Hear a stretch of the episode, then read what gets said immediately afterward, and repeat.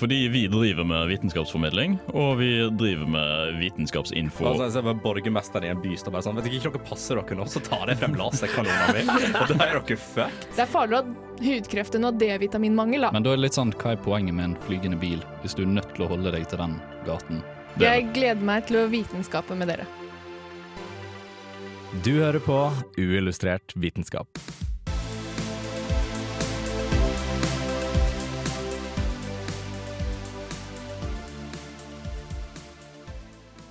I denne ukes sending av Uillustrert vitenskap skal vi snakke om jordbruk og gårdsdrift.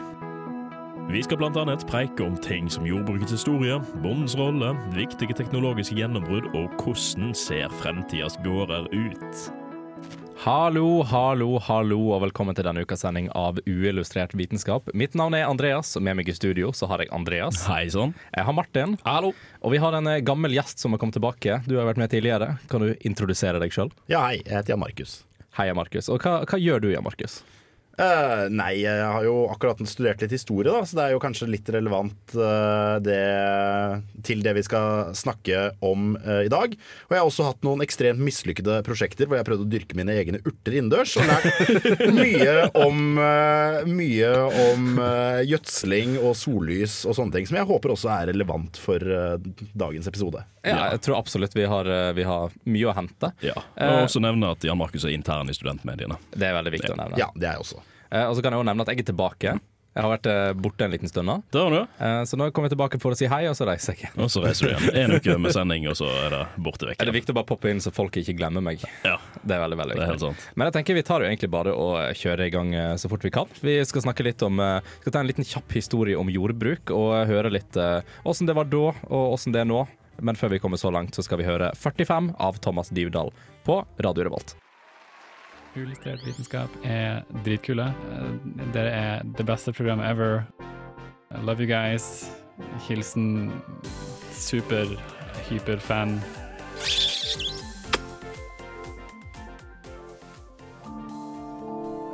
For en tid vi lever i.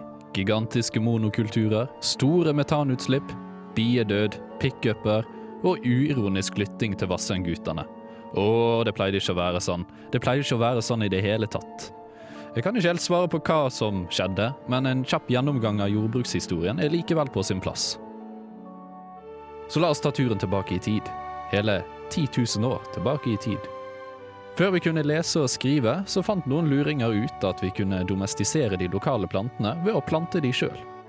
Flere hadde tydeligvis den samme ideen, fordi jordbruk skal uavhengig ha oppstått i tre forskjellige deler av verden. I Mellom-Amerika, Nord-Kina og i den europeiske sivilisasjons vugge, Midtøsten. Over tid ble jordbruk intensivert og mer utbredt. Varer begynte å spre seg rundt i verden, og man kunne dyrke flere typer planter på flere steder, så lenge klimaet og vekstforholdene stakk til. Spoler vi litt nærmere vår egen tid i Europa, gjorde våre egne imperialistiske tendenser at vi kunne importere varer fra alle verdens hjørner, slik at vi kunne spise sukker og drikke kaffe i store mengder. Fair trade var heller ikke så prioritert på den tiden. Det kom seinere.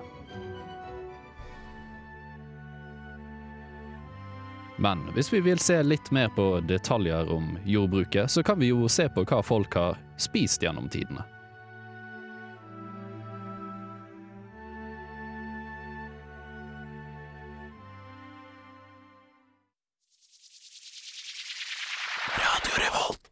Det stemmer. Du hører på Radio Revolt og Uillustrert vitenskap. Og en veldig fin, eh, koselig gjennomgang av eh, jordbrukets historie. Jo, jo, jo. Det var jo egentlig det vi Altså, vi trenger jo ikke noe mer enn det, egentlig.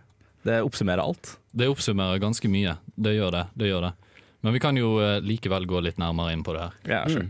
Det jeg syns er veldig gøy med de første jordbrukssamfunnene, er at eh, Og dette er også veldig relevant for oss eh, til tider øltørste studenter.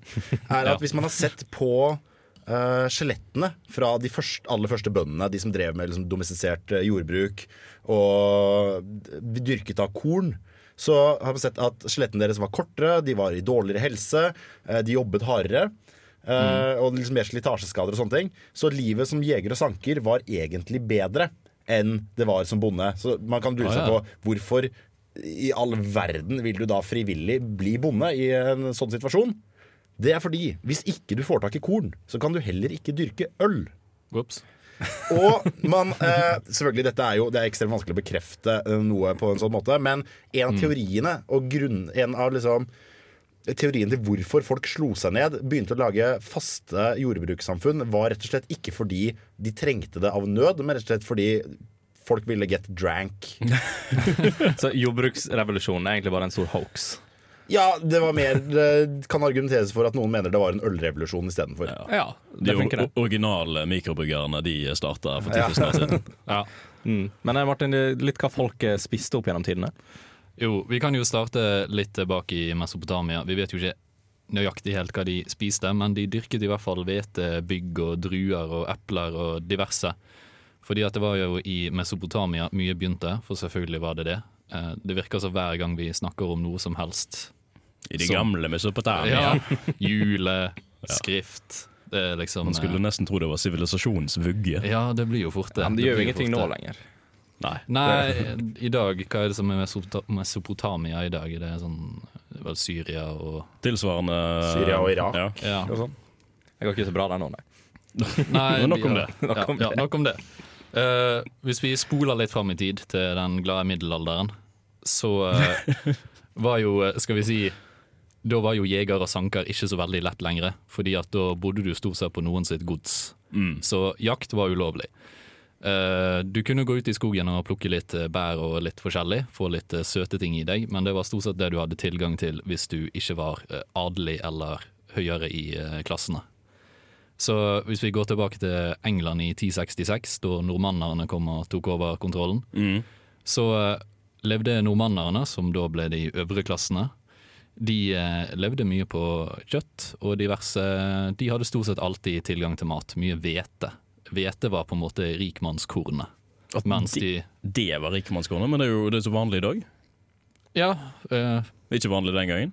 Nei, Da var det mer bygg og rug og Ja. litt sånn grove kornarter som var, eh, var vanlig. Ja. Og det var også, Man mente jo faktisk at adelen var jo Altså konger var jo valgt av Gud og sånne ting. Og adelen var jo Det var jo ikke eh, det var jo deres iboende egenskap som fantastiske mennesker som gjorde at de var rike.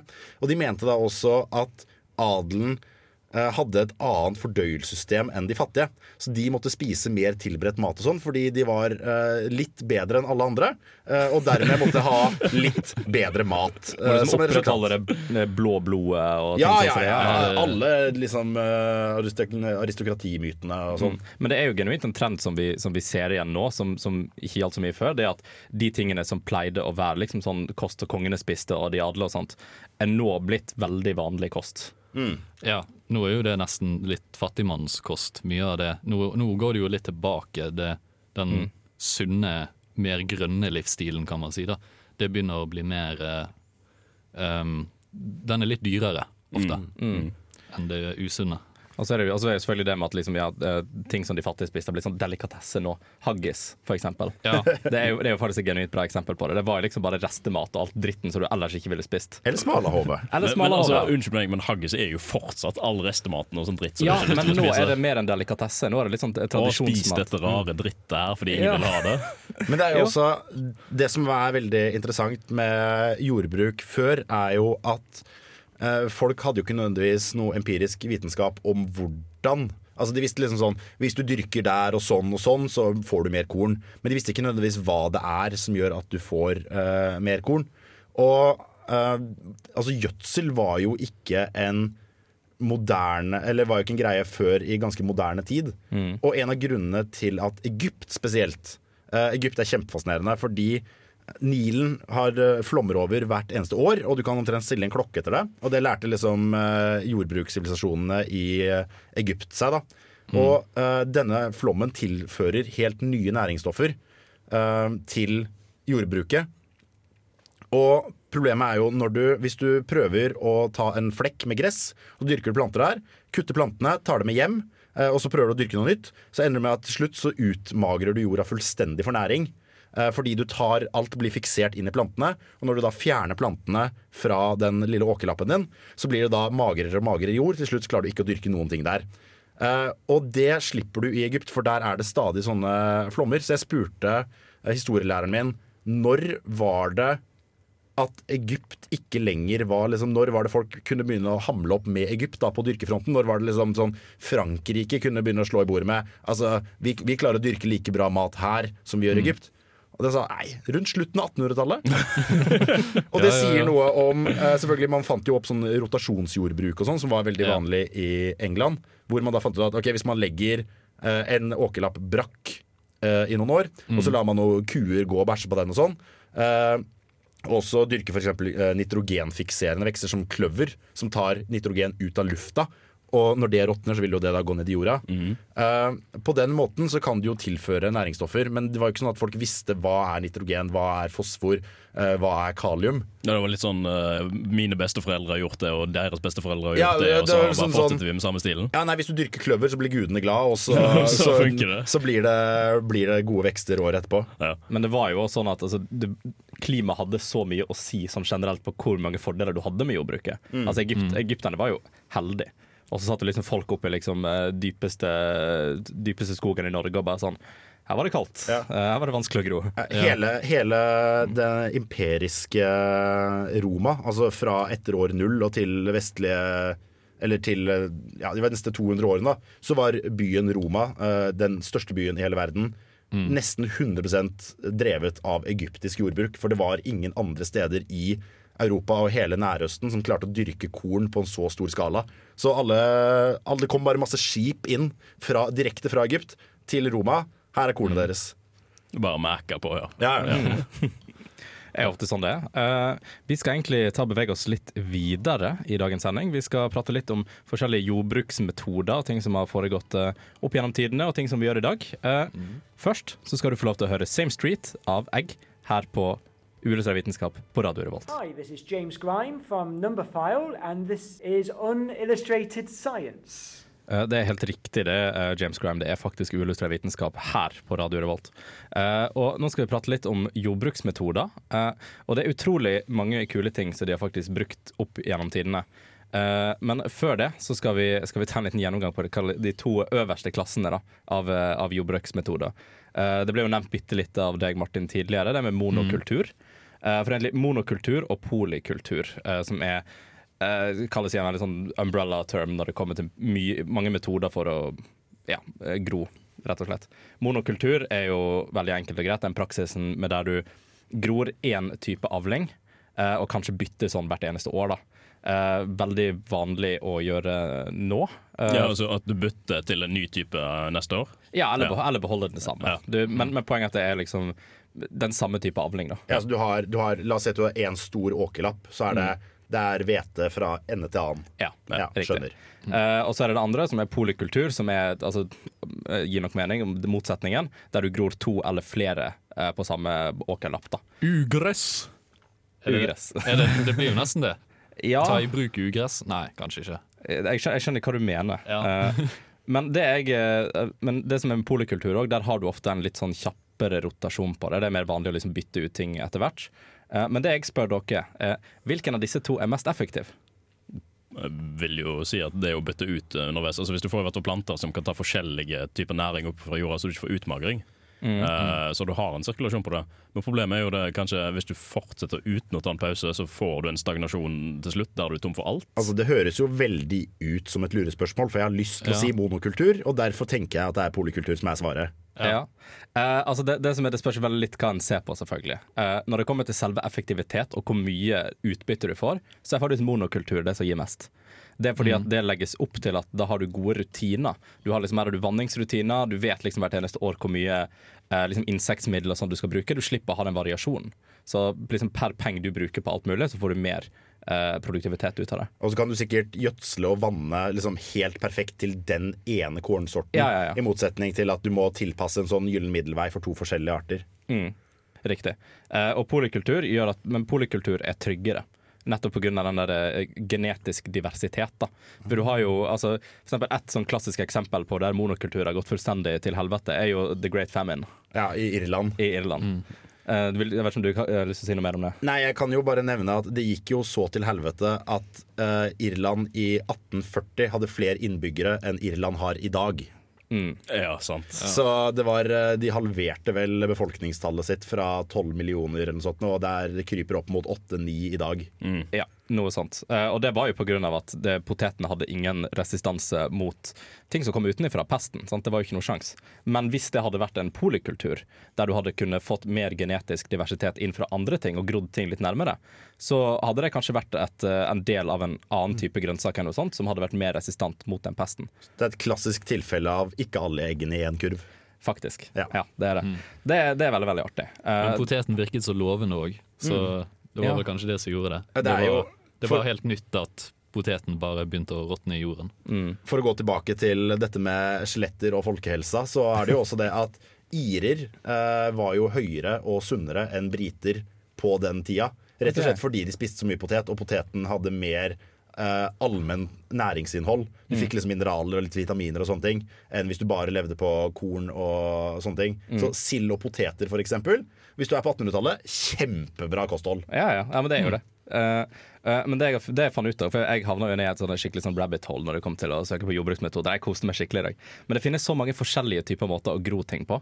Uh, altså, du trenger, jo, du trenger jo ikke klassisk jord og en plante. Trenger man egentlig jord? Nei, det gjør man ikke. Eh, altså det, det, en av de kuleste tingene jeg fant, da, var for eksempel altså Du har um, uh, aeroponics, eh, som er, er der du henger planter opp uten å liksom ha de nede i noen form for jord, eller noe sånt, og sprayer de med forskjellige næringsstoffer. Og sånt Og De blir bare hengende i et sånt lite kammer. Um, og det, det syns jeg var utrolig fascinerende. Men uh, røttene knytta til noe? Nei, røttene, røttene henger ut. Ah, ja. Og så sprayer du på en måte Sprayer du disse direkte inn i røttene. da Uh, Men der er jo litt problemer kommer jo av uh, For må, sprayen må jo kunne gå liksom effektivt gjennom lufta, eh, men plantene må fortsatt ha god nok tilgang på oksygen. Eh, og det jo sånn Det vil jo variere hvor mye oksygen der inne på hvor bra denne her eh, næringssprayen er. da Så det er sykt sånn varierende, men det er faktisk starta på starten av 1900-tallet. Mm. Um, og begynte med det. Uh, og så er det òg hydrophonics, som er en måte å gro det på uten at man, ja, uten at man trenger jord, da, men du gror det i en slags sånn løsemiddel uh, med masse næring og mineraler og sånt. Og her kan jeg spytte inn litt med min basilikumdyrkingserfaring. For jeg, jeg drev jo og søkte opp eh, ganske mye på dette her da jeg skulle dyrke urter, og lurte på hvor mye skal til eh, for å kunne dyrke urter i, eh, i hydroponics. Problemet er at hvis du spør Google om det, så får du bare svar som er relatert til hasj. Det er, det, det er bare Du får så mye eh, Du får så mye kunnskap om hasjdyrking og veldig lite om ja, Men jeg vil bare dyrke basilikum. Jeg lover. Det er ikke skalkeskjul for noe. Eh, men ja, problemet der er jo det er, Du kan ha en ekstremt effektiv og skikkelig sånn Uh, hyperaktiv vekst, hvor det vokser kjempefort og kjempemye på kort tid. Problemet er at det skal så lite til uh, før du har for mye av et næringsstoff og svir av røttene. Eller sånt, noe. det er et veldig sårbart eh, sårbart system. Så du kan få veldig mye ut av det, men det koster jo masse, masse investering, masse energi. Eh, Og sånne ting, så Du kan ikke liksom si til en fattig eh, risbonde i, eh, i India at har du prøvd med hydroponics? Fordi det går kjempefort. Du trenger bare 50 000-60 000 kroner i startkapital. Mm. Men det, vet dere hva den første Vil dere tippe hva den første planten eh, som ble grodd med hydroponics, eh, var? Ris. Nei. Nei. Men det var, det var i slutten av 1600-tallet. 1600-tallsris. Nei, Oi. fortsatt ikke riktig. Nei, en kål? Nei. Det første som ble prøvd å Hva tipper du, Martin? Uh, uh, uh, Kakaoplanter. Kakaoplant. Eh, det første var spearmint. Hey. Ja. Eh, Peppermynte. Ja, peppermynte, rett og slett. Og det var veldig artig, uh, syns jeg. Bare sånn Veldig enkelt. Jeg vil lyst til se om jeg kan gro litt, uh, gro litt peppermynte. Let's go. Uh, det jeg òg fant ut Jeg fant den mest avanserte måten å drive med plantedyrking på. Det var skikkelig artig. Noe som heter fogponics. Har du hørt om det? Fog som i tåke, eller thug som i bølle? Eller det skrives FOG. Ja, okay. Kommer vi tilbake på hasj nå? Vi er ikke tilbake på hasj, men jeg, jeg 420 po- Fogponics. Eh, det, det kan minne litt om, eh, om type aeroponics. Um, men det er så mye mer avansert. For at det, det du skal gjøre, du skal ta et, eh, et sånt næringsløse middel, så du skal, fortsatt spraye på planter som henger. Men Eh, her, her er det om å gjøre å, å, til, å beholde denne her oksygentilførselen. Fordi uh, du skal sende ultra, eh, ultrasoniske frekvenser som vibrerer, slik at denne sprayen blir aerosoler på en spesifikk størrelse, sånn 5-10 mikrometer. Og det er tydeligvis den mest effektive måten å få noe inn i en rot på. Yes. Eh, så da må du rett og slett gjøre at denne beveger seg sånn fint gjennom lufta og bare alt mulig sånn. Ja. Så kan jeg så kjapt nevne at du har noe som heter uh, hydroponi eh, aquaponics. Ja. Hvor du da har fisk eh, koblet til dette systemet. Så fisken spiser næringsstoffer, fisken bæsjer, og det mater plantene. Så det, det er bare en, Det er vel kanskje en av de som er mest sånn, eh, hva skal man si, bærekraftige. da For Ja. Det går jo bare som en eh, rundgang hele tiden. Kan gjøres også ganske økologisk. Ja. Men altså, dette her er jo da egentlig bare jordbruksmetoder uten jord. Alt Ja, det blir kanskje feil å kalle det jordbruk. Bruk. Ja, bruk. Bruksmetoder. Agrikultur. Ja. Agrikultur, Ja. rett og slett. Men det, poenget det er det er mye kult. Det er rett og slett mye, mange måter. Og jeg synes det er stilig at noen av de har jo liksom datert så mye tilbake som altså tidlig, tidlig 1000-tallet. Du har sei- m- eh, 1600-tallet. Det er, Folk har eksperimentert i lang tid. Eh, og likevel så eh, går det bare helt OK. Eh, Vanskelig. Vanskelig. Eh, vi skal snakke litt om eh, teknologiske gjennombrudd. Eh, men før det så skal du få høre 'Lonely War' av Wingdings her på Radio Revolt. Signing the Paris Agreement is the worst way to celebrate Earth Day. As, a, as an atmospheric gas, it's a plant nutrient. So Obama's talking about all of this with the global warming and the, that, and a lot of it's a hoax. It's a hoax. Miljø er et sykt viktig tema å ta stilling til. Og det kan du gjøre her, på Uillustrert vitenskap. Det er helt riktig. Det kan du gjøre her på Uillustrert vitenskap. Og vi må eh, Vi skal ikke snakke så mye om eh, klima, men eh, mer om eh, jordbruk. Ja. Og ting som har skjedd eh, litt oppover tidene. Men jordbruk er jo viktig for miljøet, så det passer jo ganske fint. Det passer helt ypperlig. Ja.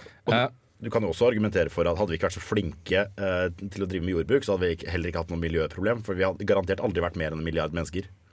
veldig sant. Ja. Men Riple, hvordan, hvordan ble vi så mange? Eh, Vil jeg skal ta liksom eh, blomsten og bien-praten? Nei, jeg tenker på de teknologiske gjennombruddene om, eh, Ja, ja, ja. om jordbruk. Veldig, tusen takk. Veldig gøy. Uh, nei, vi har, jo, vi har jo gjort mye for å, for å revolusjonere dette jordbruket opp gjennom tidene. Og hvis en kan tenke på sånn store teknologiske gjennombrudd, så er det jo liksom type fertilizer, gjødsel. er veldig stort. Ja. Det, det å få gjødsel i gang og få brukt det, det gjorde jo at Jeg vet ikke hvor mange prosent dobb, eller liksom mer effektivitet det var. Ikke? Fryktelig mange. Ja. Men det er jo eh, et av de virkelig store gjennombruddene der er jo det som heter eh, Haber-Bosch-prosessen. Eh, hvor man da tar hydrogen fra, fra altså rett og slett fossile gasser. Uh, og så tar man og under høyt press fører dette inn med nitrogen som du tar fra lufta, og det har du jo tilnærmet uendelig med. Eh, og da lager du ammoniakk.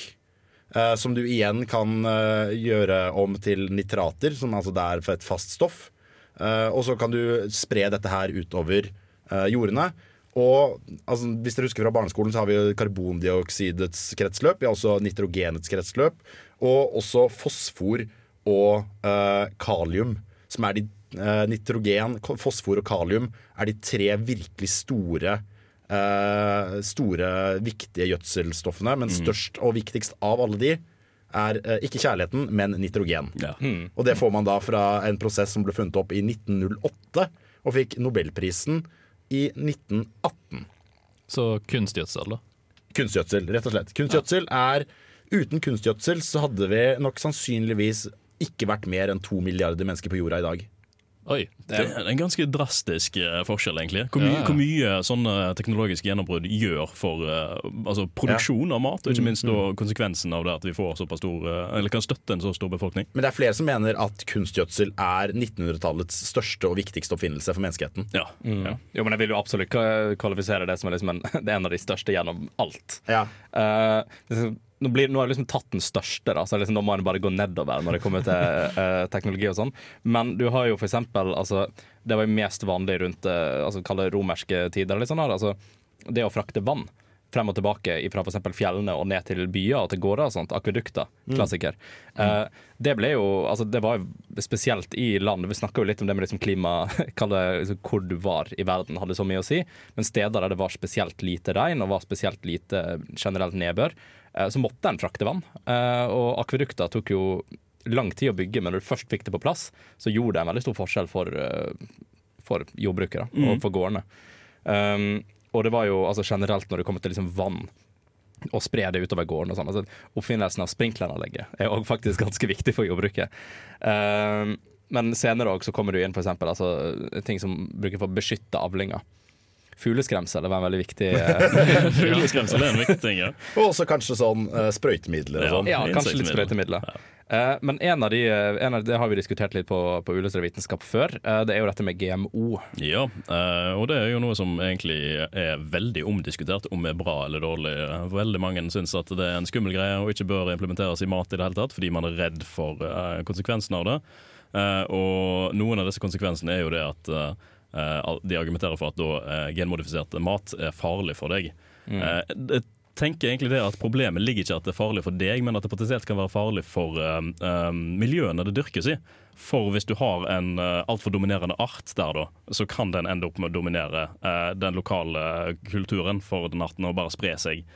eh, mer enn det som egentlig er ønsket. da. Mm. Men uh, samtidig så er det sånn, uh, hvis vi ser på eh, problemer man har når man driver med gårdsbruk, eller, eller dyrking av arter, avler, uh, bla, bla, mat Crops. Crops, så dette var norsk. Dyrking av crops. eh, Så er jo det eh, Insektmiddel er en stor, eh, stort problem, egentlig. Skal du ha planter som er resistente mot eh, det samme som dreper andre typer planter, så må det enten modifiseres på noe, eller du må tilpasse uh, insektmiddelet ditt, eller ja, uh, weedkilleren din. Eh, og da må du også da veie opp, da. Hva er det, hva er det best? Kan du modifisere maten din såpass mye at eh, den overlever insektmiddelet, eller må du på en måte modifisere insektmiddelet? Og det de har gjort i USA på veldig mange kornsorter, eh, spesielt mais, der er omtrent 90 av all meisen eh, modifisert til å kunne tåle eh, insektmiddel og eh, visse typer uh, parasitter og sånt. da. Mm. Ja.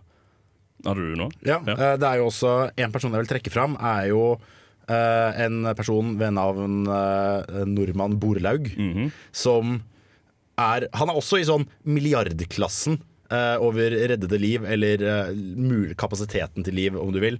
Eh, for der regner man også med at han var en av de som var pionerene for å modifisere arter. Og der også er man Selvfølgelig det er umulig å regne på noe sånt ordentlig vitenskapelig matematisk, men der regner man også med at nei, sånn omtrent en milliard liv da, har blitt reddet fra sultedøden eh, som et resultat av han og hans medforskeres eh, arbeid.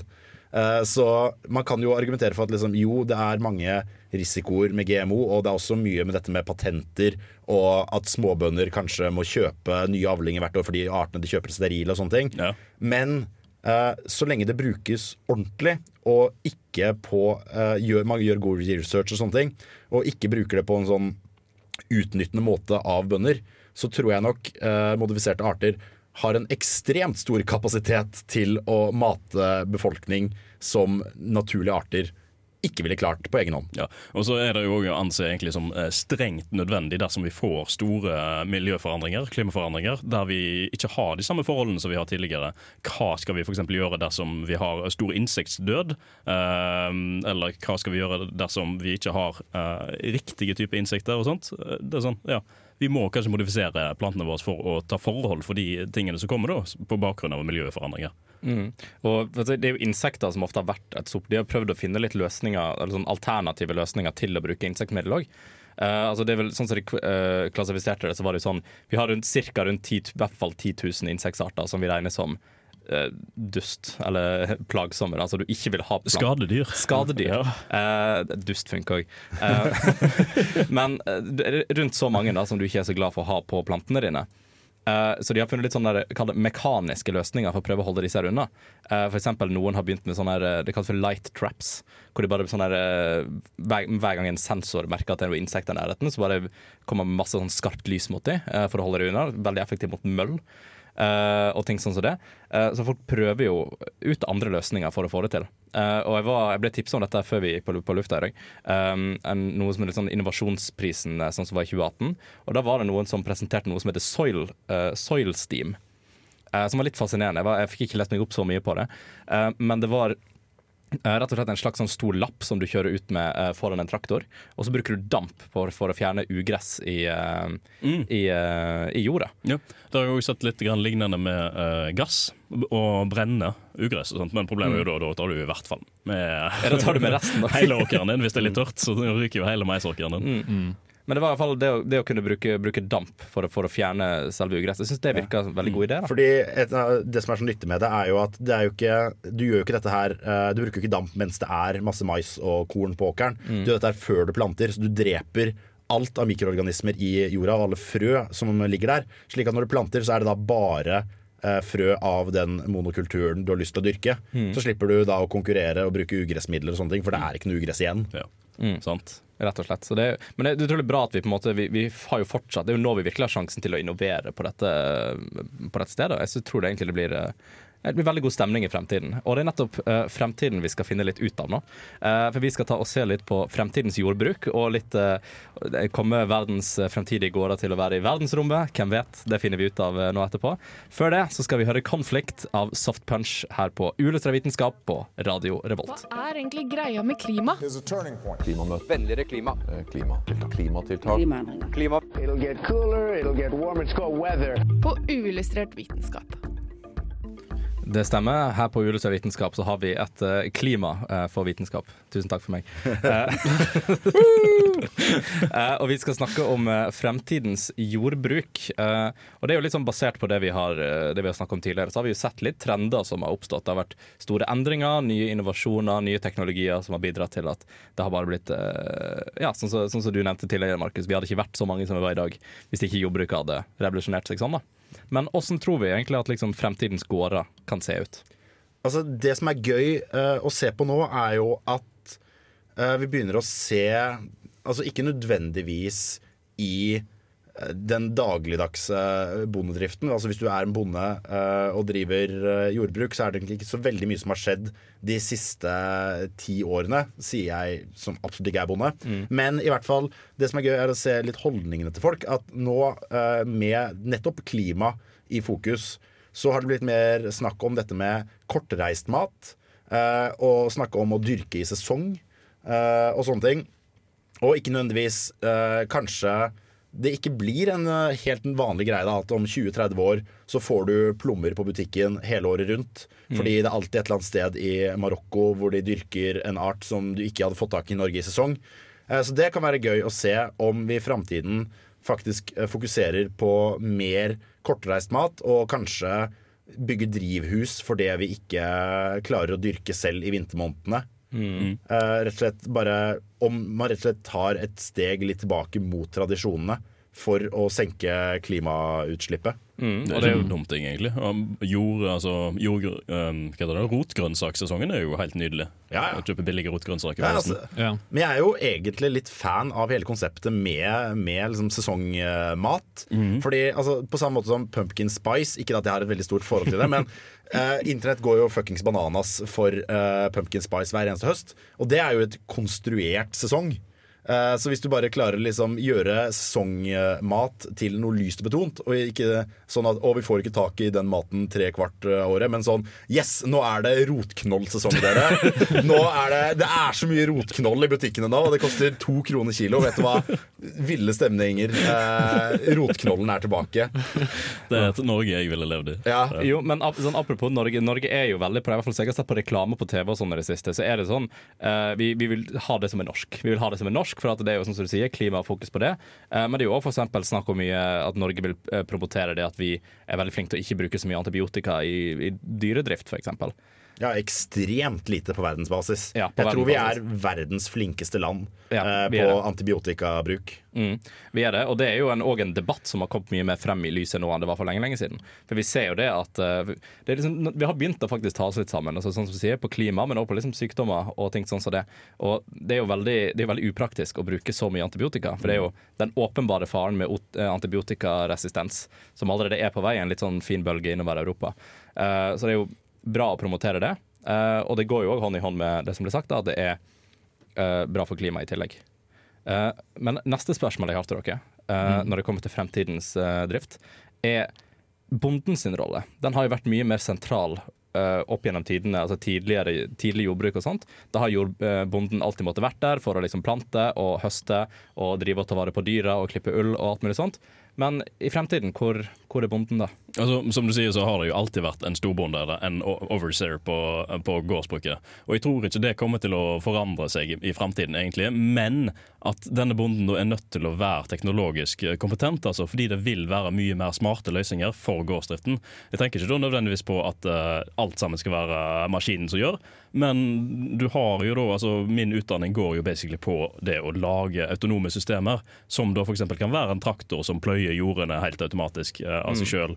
Eller uh, systemer som driver og, og selektivt sprayer insektmiddel på ugress i stedet for Eller um, ikke insektmiddel, men uh, antipesticides holdt jeg på, å si, på, på ugress. Da, sånn, I stedet for å spraye kontinuerlig over hele jordet. Og den slags løsninger. Så de er nødt til å være teknisk kompetente, men at bonden kommer til å være der, det tror jeg. Men det er jo også en trend vi har sett siden egentlig tidenes morgen. At eh, etter hvert som teknologien utviklet seg, så har færre og færre jobbet med jordbruk. I middelalderen så var jo 90% på en eller annen måte direkte knytta til eh, jordbruket. Mens nå er jo prosent Jeg vet ikke hvor mange prosent det er som er bønder i Norge i dag, men det er ikke mange. Det er, eh, det er ikke mange som jobber det er kanskje mange som bor på en gård og sånn, liksom faren min er bonde, men jeg jobber på liksom Jokeren inne i eh, Ja, ja. byen. Eh, men det tror jeg også er en trend vi kommer til å se videre. At enda færre kommer til å jobbe med jordbruk, for det blir mer og mer uh, intervisert da, uh, i at teknologien kan gjøre mer og mer uten mennesker.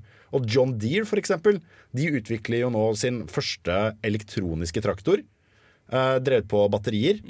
Men eh, den er laget uten førercockpit, slik designet ser ut per nå.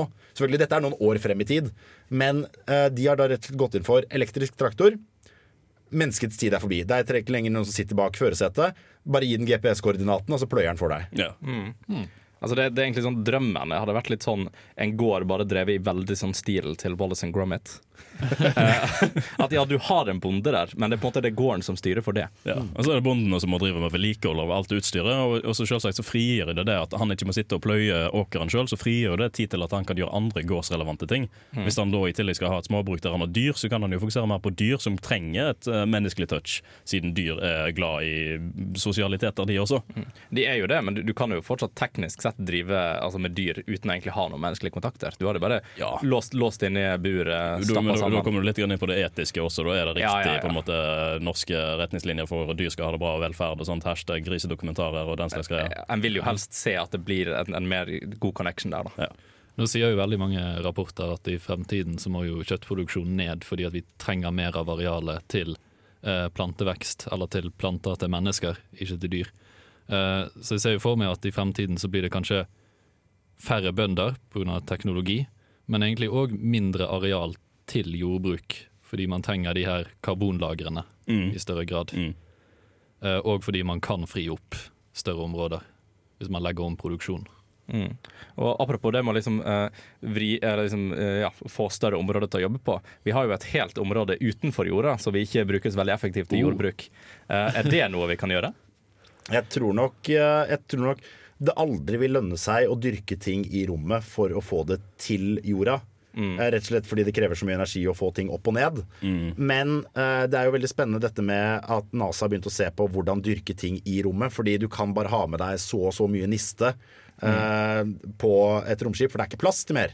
Men hvis du da klarer å gjenbruke næringsstoffene, altså uh, det mennesker skiller ut, Mm. så kan du da uh, lage din egen mat under hele reisen, så lenge du har energi til kunstig sollys og sånn.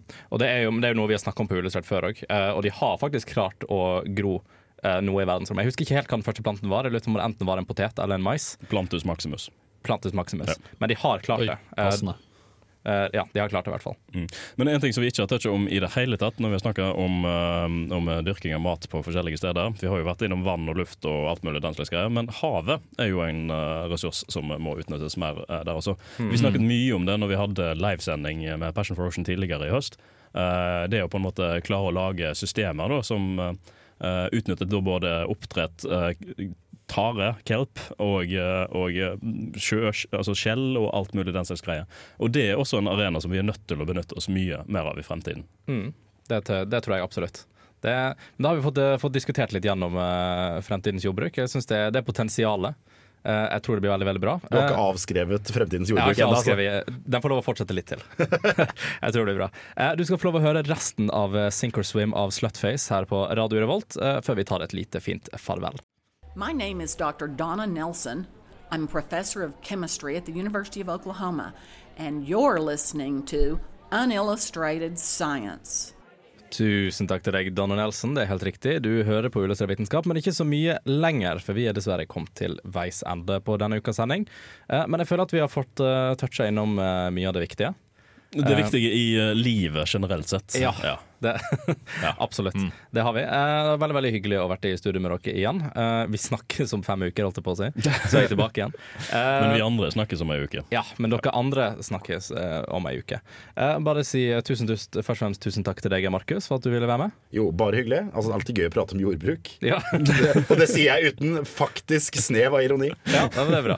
Jordbruk er veldig veldig gøy. Husk at du finner sendingene våre på radiorevolt.no. Du finner de òg på din favoritt-podkasttjeneste. Um, og eh, på Spotify. Uh, Deriblant. Deriblant. Uh, hvis du lurer på noe eller lyst til å ta kontakt med oss, så har vi en Facebook-side. Du kan bare sende en fin melding der, og så svarer vi. Uh, hvis du å sende, inn noen spørsmål. Uh, mitt navn har vært Andreas, og med meg i studio så har jeg hatt eh, Martin. Ha det bra. Jeg har hatt eh, Andreas. Ha det bra. Og jeg, Markus. Ha det bra. Ha det bra.